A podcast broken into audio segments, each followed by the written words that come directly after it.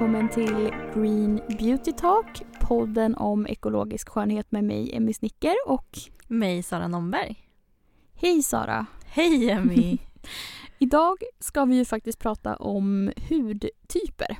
Ja, superspännande. Ja, det har vi fått lite frågor om att prata om.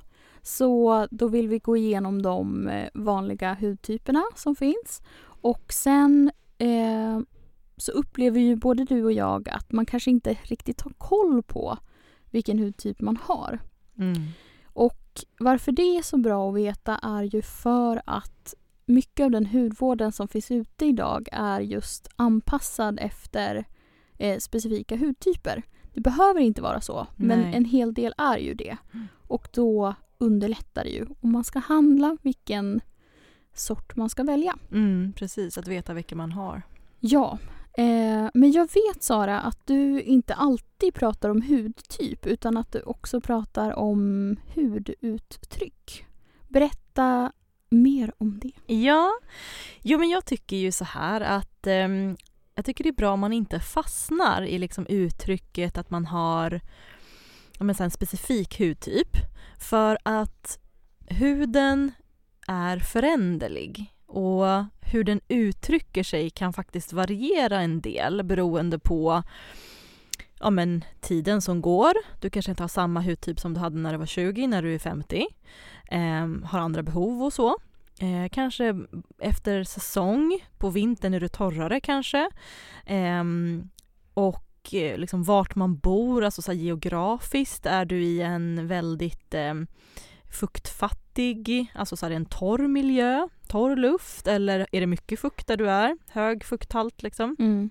Eller är du, jobbar du i en väldigt så förorenad miljö? Kan det ge en, en typ av huduttryck på huden och så vidare? Så lite, jag tycker att det är fint att se huden som eh, liksom att den kan förändras. Mm. Och att vi då vill handla produkter eller eh, tänka på vad vi har för eh, produkter baserat på hur huden uttrycker sig just nu. Så kanske behöver man ändra lite produkter eller hur man tänker ja, men när man kommer upp i åldern eller när det typ eh, varierar i säsong och sådär. Mm, just det, och var man bor och Mm. som du berättade. Mm. Ja. Så man kan alltså se huden eh, i olika huduttryck. Ehm, och, men dock vanligast är ju fortfarande att man pratar om hudtyper. Eh, Ja. och, och framförallt liksom andra hudvårdsmärken och så pratar mycket hudtyp. Verkligen. Och också liksom artiklar och annat Mm. som man kommer över pratar ju ofta om hudtyper. Så vi tänkte idag gå igenom de vanligaste hudtyperna, lite hur de ser ut och vad som händer i huden. Och sen också vad man kan tänka på, både invärtes och utvärtes, Mm. när det kommer eh, till att liksom balansera sin hudtyp. Mm.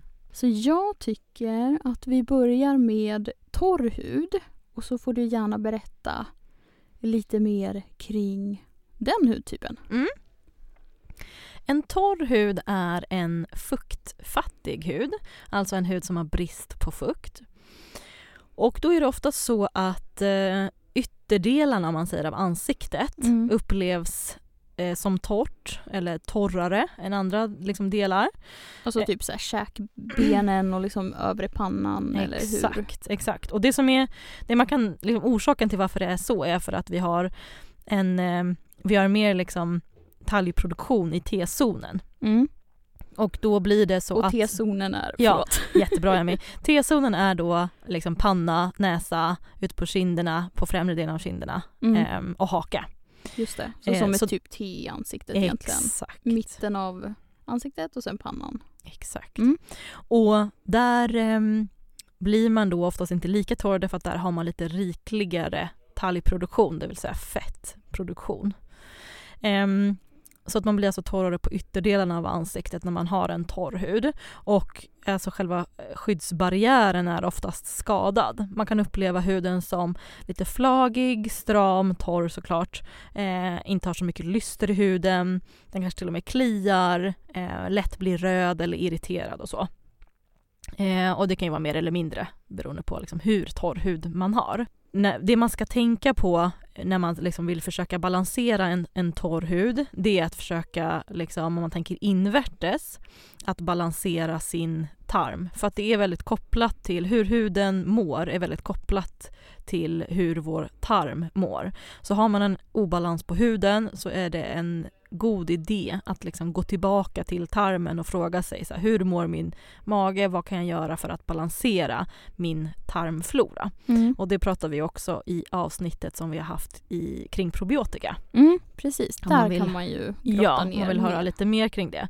Men eh, generellt sett så vid en torr hud så liksom tänk att eh, balansera din tarm, eh, tillsätt gärna fettsyror så att du får en bra liksom, fettsyraprofil i kroppen. Kan oftast ge en lite mer följsam, eh, liksom, återfuktad hud. Och eh, tänk på att dricka bra med vatten. Liksom. Mm. Så att liksom applicera eh, fukt och fettrådet invärtes. Så. Mm. Och utvärtes då, vad ska man göra liksom på Mm. huden? Hur ska man tänka kring produkter och val av hudvård? Ja.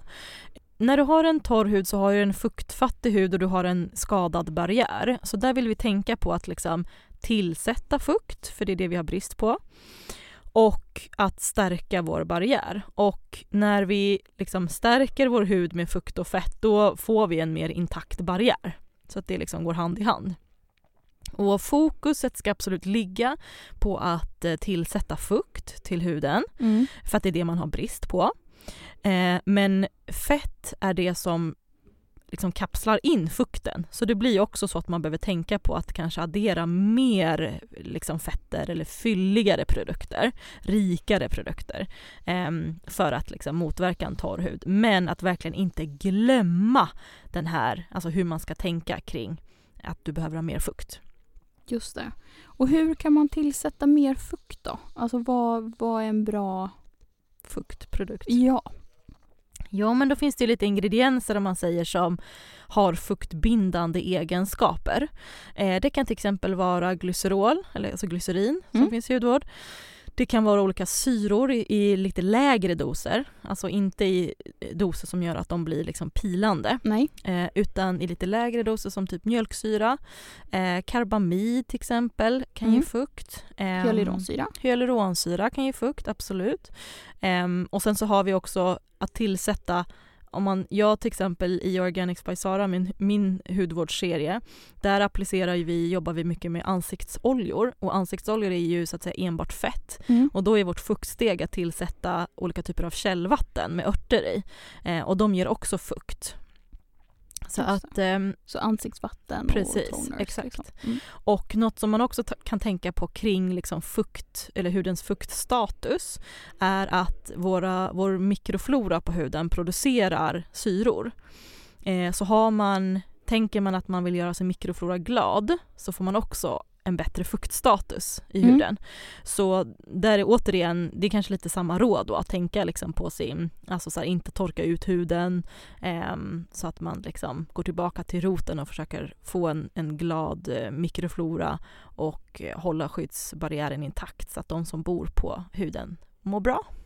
Ja men precis, det vill man ju. Mm. Så alltså skonsam rengöring Ja. och sen eh, eh, fukt, fukt, fukt. Exakt. Och kapsla in med fett. Exakt. Så då, och då menar vi ju att man använder ansiktsolja på liksom fukten. Ja men precis, så fett kan ju vara i ren bemärkelse, typ en ansiktsolja eller en, en fuktighetskräm eh, eller en liksom hudvårdande produkt med eh, fetter i. Liksom.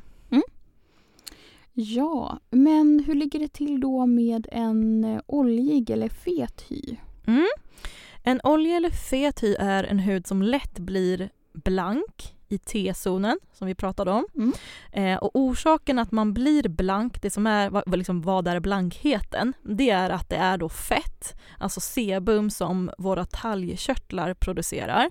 De kommer upp i våra, eh, liksom, vi har ju som, som eh, porer eh, över hela huden och eh, från dem kommer det här sebumet upp, alltså tränger upp och ska lägga sig som ett skyddande lager på huden. Mm. Men vid olja och fet hy har man alltså en överproduktion av talg. Så man ska ha en produktion av talg men här har man liksom lite för mycket. Mm. Och då blir det, ser det så att säga fett ut och oftast är det då kanske specifikt efter en liten stund, alltså typ kanske framåt eftermiddagen eh, eller om du har rengjort dig så kanske det tar x antal timmar innan du upplever den här blankheten. Så. Just det. Och talg eller sebum det är ju alltså hudens egna oljor Exakt. eller liksom oljeproduktion. Exakt, det som huden själv producerar. Ja.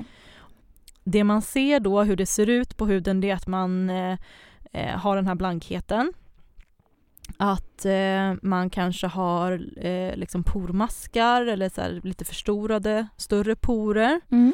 Eh, du kan lätt få en tilltäppning av de här porerna så att du får pormaskar eh, och du kanske också till och med får finnar. Då kan man verkligen fråga sig, okej okay, men varför får jag det här? Vad är liksom orsaken? Mm. Får jag fråga, är, ja. akne, är akne kopplat till en eh, oljig fet hy? Ja, jo men det är det ju absolut generellt. Eh, för att akne är ju, alltså definitionen av det att man har mycket finnar, alltså rikligt mm. med finnar. Så först kan man säga att du har en, en, eh, en ökad risk för tilltäppthet. Du får tilltäppta porer, får pormaskar liksom, eh, som utvecklas till finnar och har du mycket finnar så blir det akne. Så mm. det har absolut liksom, den har med det att göra, hänger ihop, mm. absolut. Mm.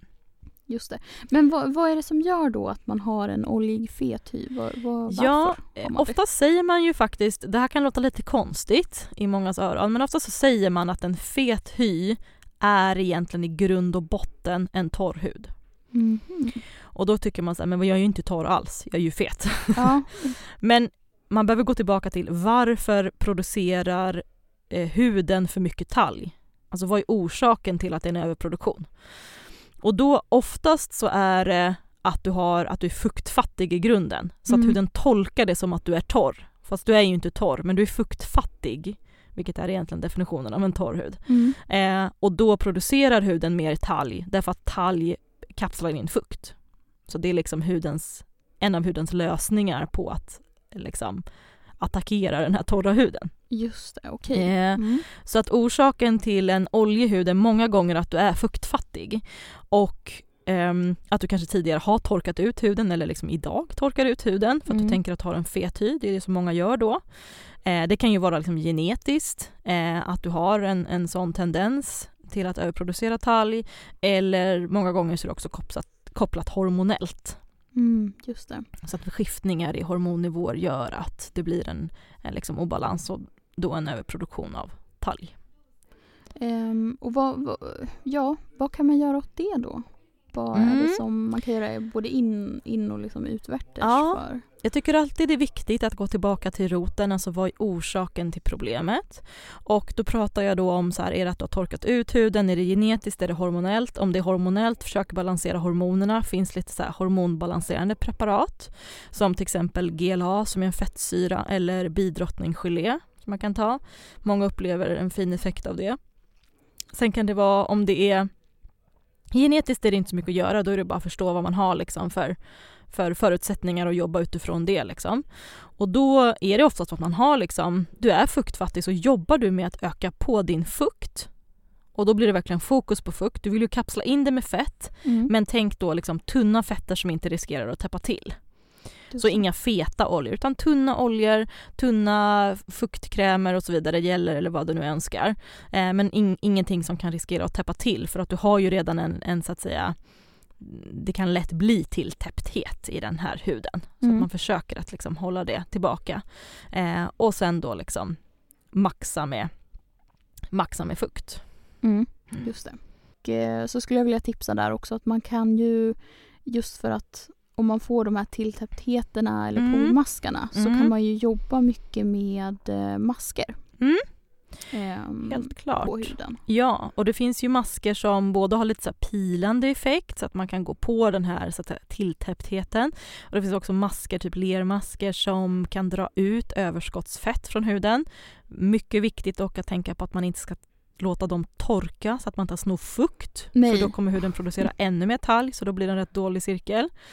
Men det viktigaste är här egentligen att så här, sluta torka ut sin hud. Um, För att när du torkar ut din hud då blir du fuktfattig, då kommer du producera mer. Så det blir verkligen en ond cirkel. Mm. Så att verkligen tänka på att så här, torka inte huden, maxa med fukt, var lite mer restriktiv med fett liksom. Och försök lösa de här tilltäpptheterna med att liksom korrigera pH med kanske några några syror inom ekologisk hudvård jobbar man ju gärna med så fruktsyror till exempel Mm. från ja men kanske äppelcidervinäger eller äppelsyror och sådär.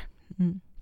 Just det. Eh, och när man tänker liksom invärtes då är det ju det här, så här försök förstå eh, vart det kommer ifrån eh, och återigen det här med tarmen. Eh, man ser absolut en, en koppling till en obalanserad tarm och en liksom, eh, finnar på huden eller en akne på huden. Just det. Hörni, vi kommer återkomma ganska mycket till tarmen. Så Ja. om, ni vill, om ni vill höra mer om tarmen så Ja. tipsar vi om att lyssna på avsnittet om probiotika. Mm. För där ingår det ju tarmen också. Exakt. Eh, ja, men då är vi framme vid blandad eh, hy eller Mm. som också kallas kombinationshud. Ja. Så en blandhy, det är alltså en blandning av en torr hud och en fet hy. Eh, så man är alltså man är, har en blank hud i den här T-zonen Mm. som en blandhy. Men man är även torr på de här yttre partierna. Så det är en kombo av de två.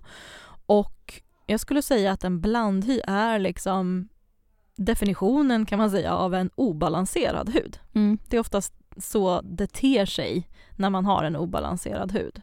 Och varför har man då en obalanserad hud? Jo, jag skulle säga att det handlar mycket om hormonella svängningar Mm. och livsstilen. Eh, jag tror absolut att liksom den västerländska livsstilen som vi många lever efter här med den maten vi äter, hur vi stressar, eh, liksom den miljön vi, vi lever i, eh, den gör den liksom ger inte så optimala förutsättningar för en balanserad hud.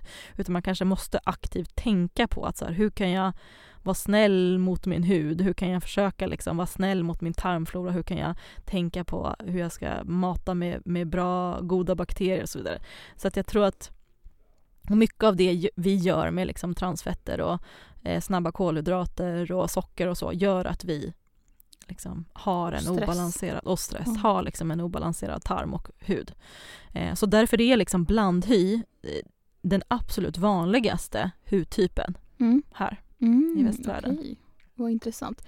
Du nämnde hormonsvängningar. Mm. Vad, vad kan det vara för någonting? Vad är det? Ja, alltså hormonella svängningar eh, kommer ju genom livet. Mm.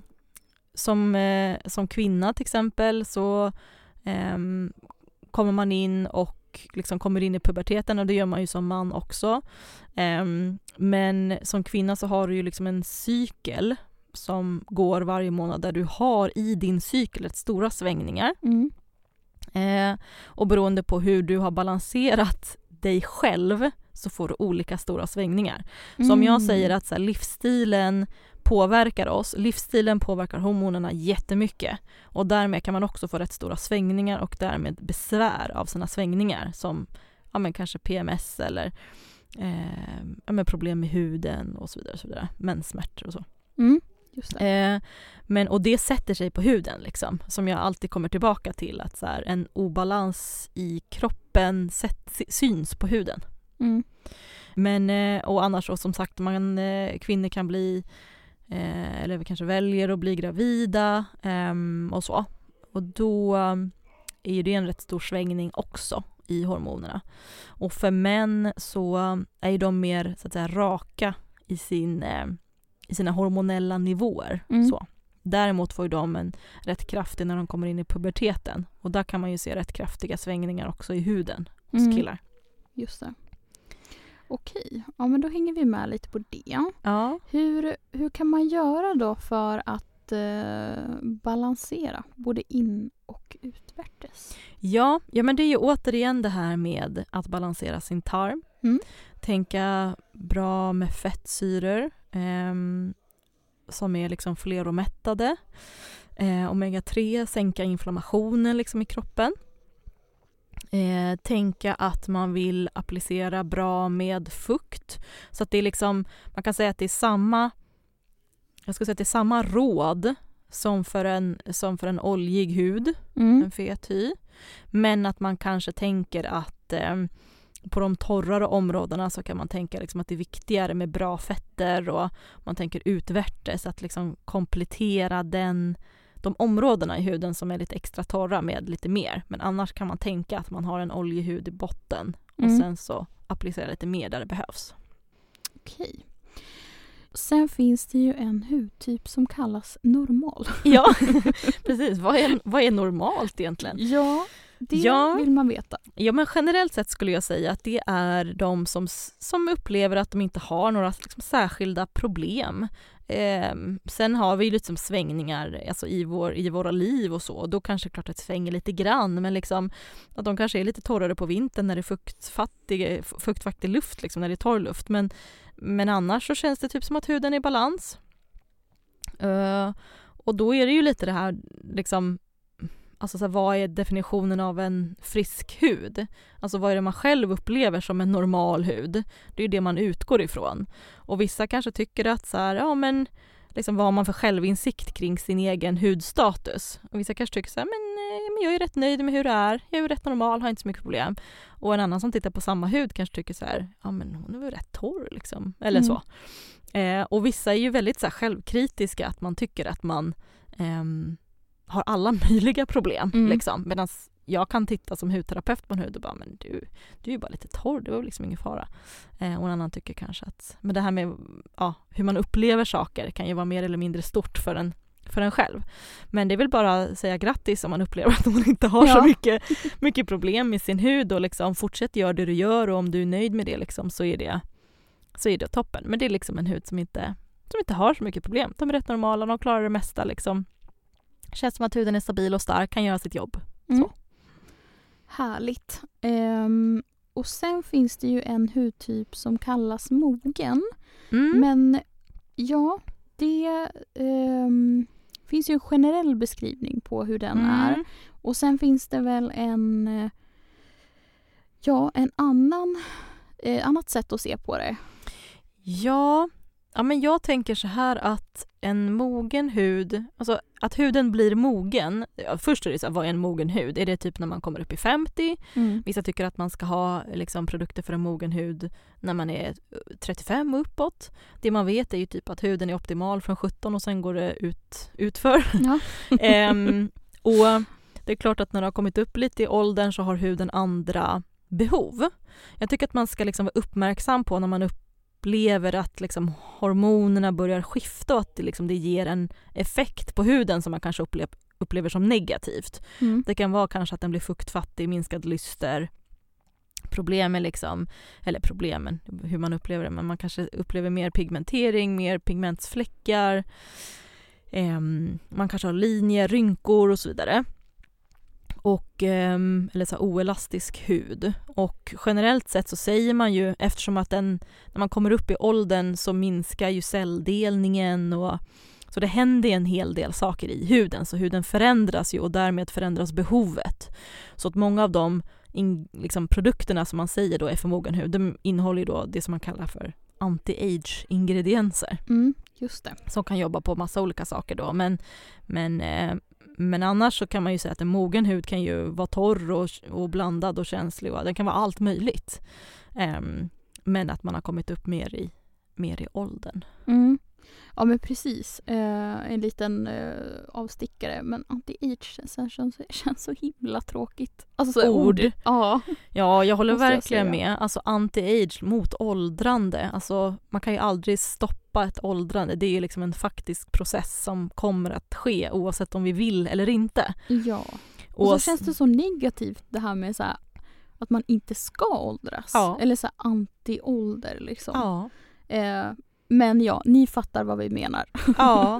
när ja men så. verkligen. Jag tycker, att, eh, jag tycker man ska se huden för vad den är. Huden kan inte vara detsamma som den var när den var 20. Inget är detsamma som den var när den var 20, när Mm. man är 50. Det är liksom helt omöjligt. Mycket har hänt sedan dess. Huden har varit utsatt för väldigt mycket efter det och, och, och så. Just det. Så att, ehm, Ja, mm. men okej, så om man eh, tänker då, då mogen hud generellt, Mm. torr, men det behöver inte alltid stämma. Utan Nej. man kan ha man kan ha Man kan en, ha fet hy. Ja, Mm. man kan ha en fet hy Mm. och ändå ha en mogen hy. Ja, vara mogen liksom. Mm. Ja. Mm. Det man kan tänka generellt sett är ju i och med att då huden är man kanske inte har en lika snabb celldelning, lite mer fuktfattig etc. så kan man liksom tänka på att här, skydda huden mer och jobba mer med fukt. Just det. Mm. Okej, då kommer vi ju in på det här med känslig hud Mm. som många, eller fler och fler tycker jag, känner sig ha. Ja. Eller nämner. Man Ja. pratar mer om en känslig hud idag. Mm. Ehm, och vad, vad är en känslig hud då? Jag brukar säga, kanske lite slarvigt sagt, men jag brukar säga att det är en hud där man har ett immunförsvar som är mer eller mindre på helspänn. Mm. Eh, och med det menar jag att huden reagerar, och för när huden reagerar så är det ju liksom immunförsvaret som reagerar. Så när det, en känslig hud reagerar lätt på liksom en yttre påverkan. Det kan vara beröring, det kan vara liksom vatten, det kan vara vind, kyla, värme, produkter eller liksom aktiva ingredienser som typ så dofter eller syror. Och vad, vad är det då liksom invärtes som har hänt? Ja, generellt sett så skulle jag säga att en känslig hud är ju obalanserad. Jag skulle absolut säga att man kan balansera upp en känslig hud så att man inte har så känslig hud längre. Alltså inte upplever de symptomen längre. Och generellt sett så säger jag då att man jobbar med sin tarm. Alltså att det är liksom orsakat eller grundar sig en obalans i tarmen. Ehm, att du har en rubbad skyddsbarriär för att huden kan inte skydda sig som det ska. Och när den inte kan skydda sig som den ska, då blir den rädd. Liksom. Så den reagerar på allt möjligt. Och eh, jag skulle säga att en hel del som har, eller som säger sig ha känslig hud, eh, har haft eller har eksem. Eh, vilket är liksom en, en inflammationsproblematik. Så helt klart att liksom försöka balansera och minska inflammationen i hela kroppen. Mm. Just det. Eh, och jag tycker också att, eh, att känslig hud eh, kan ju liksom vara en hudtyp i sig. Men sen så tror jag många kan uppleva sin hud som känslig i perioder. Ja, Typ.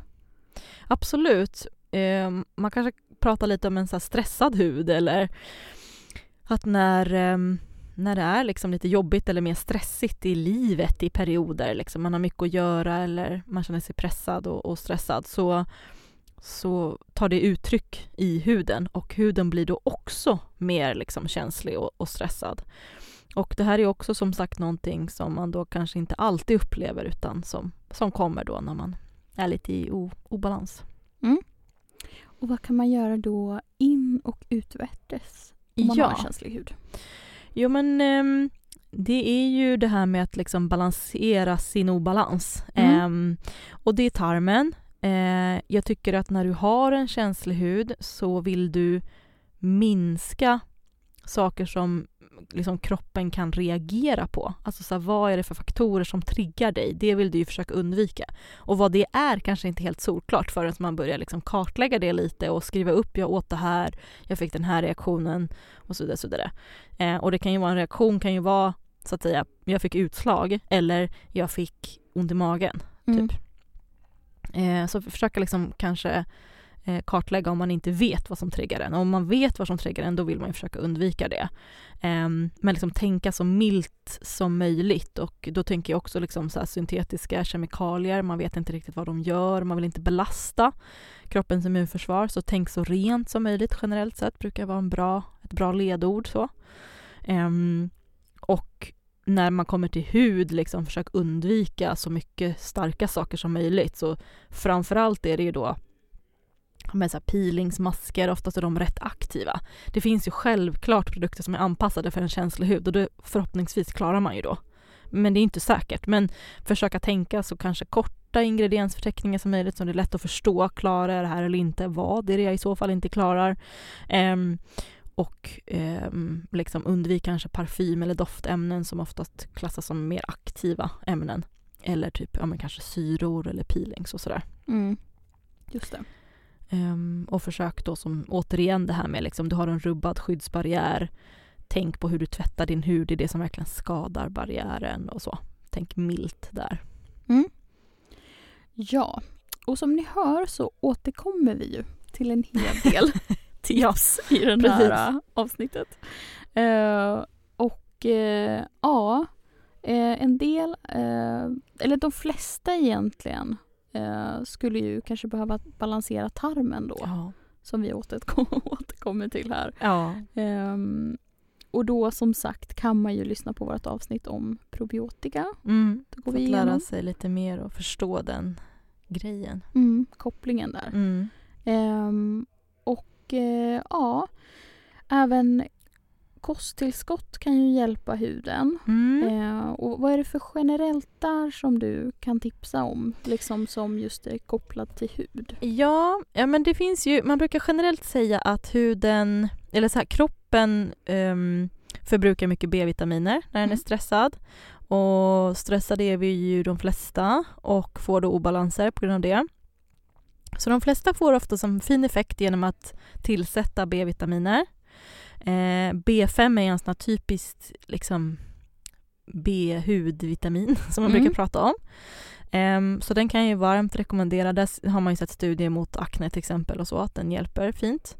Ehm, om man tänker att man har en obalans i immunförsvaret och vill liksom stärka sitt immunförsvar, då rekommenderar jag starkt zink och C-vitamin för att stärka immunförsvaret. Ehm, också antioxidanter som kan hjälpa till att minska den oxidativa stressen i huden och liksom nedbrytningsprocessen där och det kan skapa inflammation och så i huden. Så antioxidanter, C-vitamin är ju en antioxidant men annars E-vitamin är en antioxidant till exempel. Mm.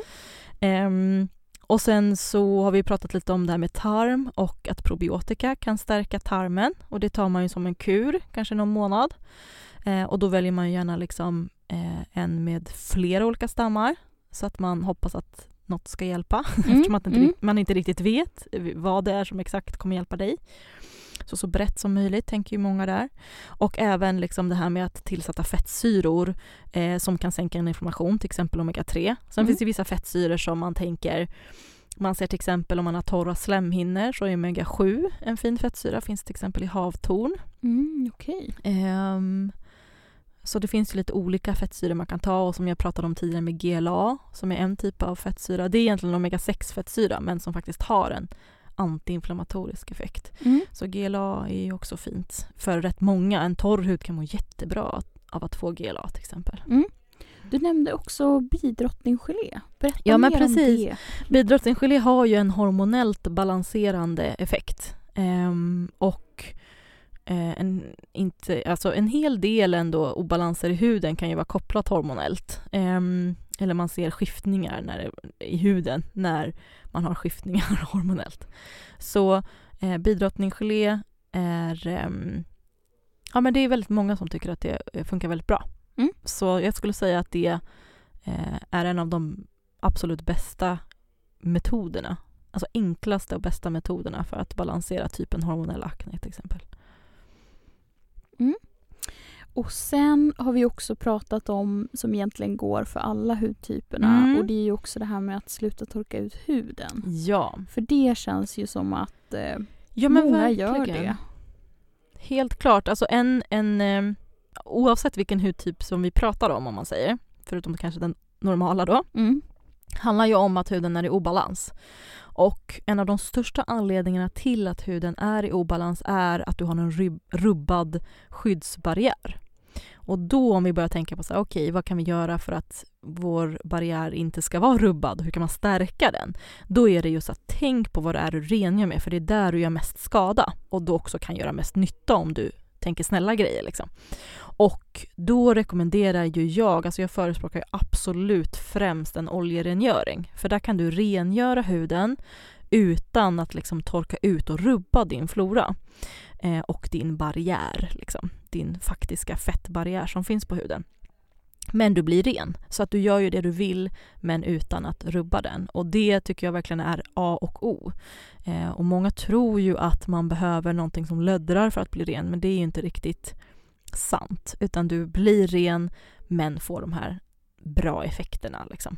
Mm. Så att en oljerengöring kan jag verkligen varmt rekommendera för att balansera sin hud och ett så enkelt sätt att balansera sin hud. Mm. Just det. Så man ska tänka helt enkelt eh, milda rengöringar eller oljerengöring Ja, liksom, för att exakt. få huden, inte övertvätta huden. Liksom. Ja.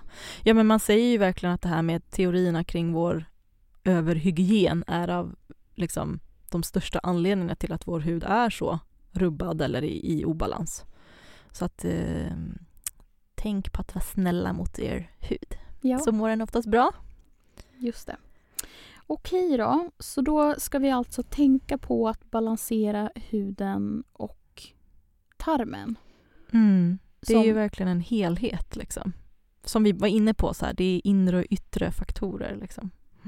Precis. Och sen eh, när man står där i hudvårdshyllan tänkte jag säga, eller shoppar på nätet eller vart man är nu, så ska man titta efter hudvård som ja, men riktar sig till sin hudtyp. Mm. Och vi hoppas att du har fått hjälp med det nu då. Och dels klura ut vilken din hudtyp är, men sen också ja, vad du ska tänka på. Mm. Hörni, tack för att ni har lyssnat. Eh, om ni har vidare frågor eller vill prata vidare kring det här eller annat rörande hudvård så kan ni gå in på vårt Instagramkonto. Där heter vi at Green Beauty Talk och sen kan man också följa mig, Emmy Snicker, på at Emmy Snicker. Och var hittar man dig Sara? Mig hittar man på Sara Nomberg och mitt företagskonto heter Organics by Sara. Just det, på Instagram då. Mm. Eh, och sen vill vi säga ett stort tack till poddrummet och Black Pixel för att vi har fått låna deras poddstudio. Vi hörs i nästa avsnitt. Hej då!